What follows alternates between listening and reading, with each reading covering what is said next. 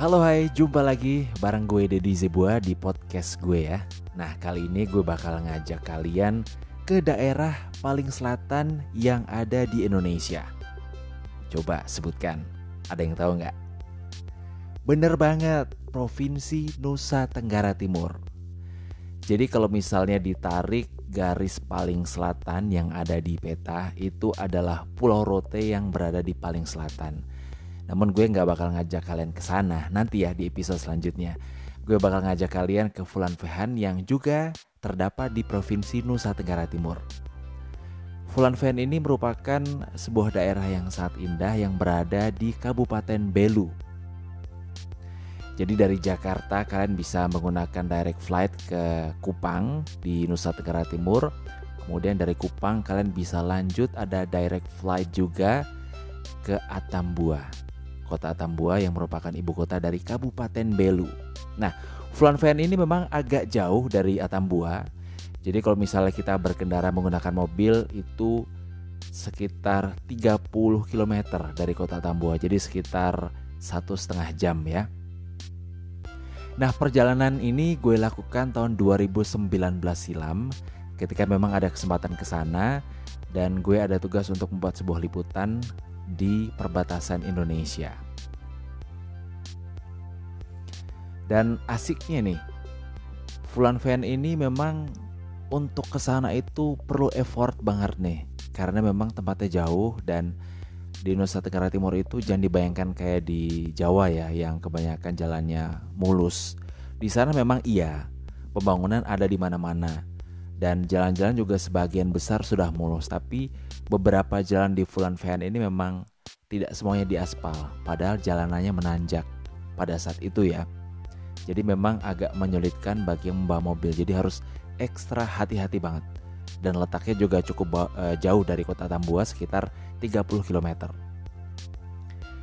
menuju Fulan Vehan yang Berada di dataran tinggi, mobil yang saya tumpangi berjalan berkelok mengikuti kontur jalan yang berkelok juga. Tidak jarang kami menemui tanjakan yang cukup tajam.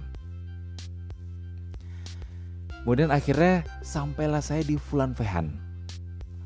Buat yang belum mengerti di mana sih Fulan Vehan, nah kawasan wisata ini terletak di sebuah lembah di kaki Gunung Lakaan di Desa Dirun, Kecamatan Lakmanen, dan apa yang terjadi travelers. Ketika saya berada di sana, saya benar-benar takjub dibuatnya. Sebuah padang sabana yang maha luas itu benar-benar terdampar di depan mata gue. Bagus banget. Nah, sebelum masuk ke Fulan Vehan ya, Anda akan melewati padang kaktus yang sangat indah. Jadi biasanya nih ya kaktus itu kan hidup di dataran yang panas, kemudian identik dengan gersang. Tapi di Fulan Vehan yang tingginya 1000 meter di atas permukaan laut ini travelers, dia ada di sana dan bagus banget. Ketika saya melihat kaktus itu langsung dong foto-fotoan dan benar-benar bagus banget hasil fotonya karena memang kaktus itu banyak banget terdapat di sana. Jadi luas banget terhampar di mana-mana dan sepanjang mata memandang itu adalah pohon kaktus di sana. Apalagi dengan bunganya yang merah kecil-kecil itu ya, bagus banget. Kemudian buat traveler juga, selain Fulan Vehan, di dekat-dekat Fulan Vehan itu juga ada beberapa objek wisata ya. Seperti Benteng Kiki Gewen yang ditutupi semacam hutan kecil. Nah, dahulu benteng ini dibuat untuk mengatur strategi Kemudian juga ada benteng Ranahitu atau yang dikenal sebagai benteng lapis 7. Nah, benteng ini digunakan saat perang tradisional antar suku di pedalaman Timor atau yang sekarang disebut Republik Demokratik Timor Leste. Konon benteng ini dibuat hanya dalam waktu 7 hari 7 malam. Serius, cepet banget ya.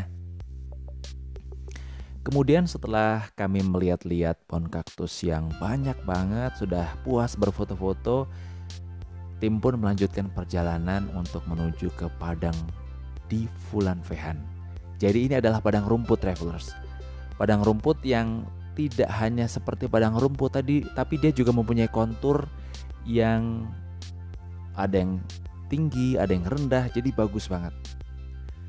Banyak masyarakat di sana ataupun travelers yang menamakan Fulan Fehan itu adalah Bukit Teletabis karena memang di sana ada semacam bukit kalau Anda pernah melihat Teletabis jadi dia seperti mangkok yang terbalik ya. Dan di situ bagus banget. Kenapa? Karena di NTT itu memang beda dengan Jawa ya. Jadi dia itu langitnya biru banget, gak banyak awan.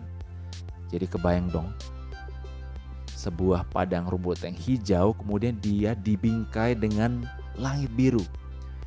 Di situ benar-benar feels free, jadi bagus banget. Selain pemandangan yang bagus, juga udaranya di sana sangat bersih, pemirsa. Jadi benar-benar yang luar biasa, indah banget.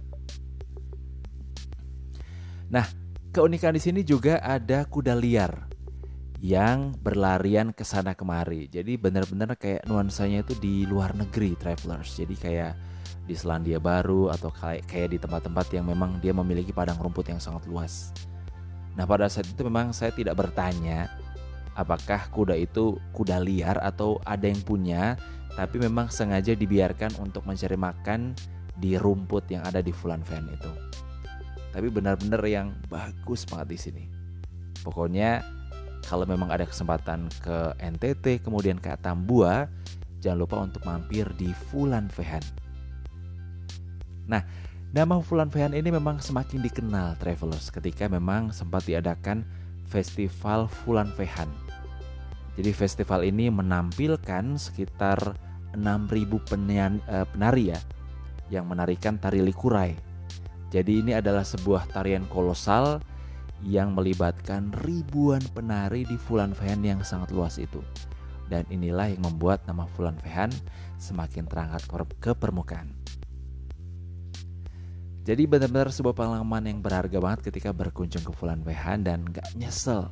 Karena walaupun jauh dari kota Tambua sekitar 30 km, tapi ketika kita berada di sana, benar-benar nuansanya berbeda banget dengan daerah lain yang ada di Indonesia. Gak percaya? Buktikan sendiri. Silahkan berwisata di Fulan. Oke? Sampai jumpa di episode selanjutnya tentunya dengan pengalaman yang lebih menarik lagi di tempat-tempat yang lain di Indonesia dan juga mancanegara hanya di podcast Dedi Zebua.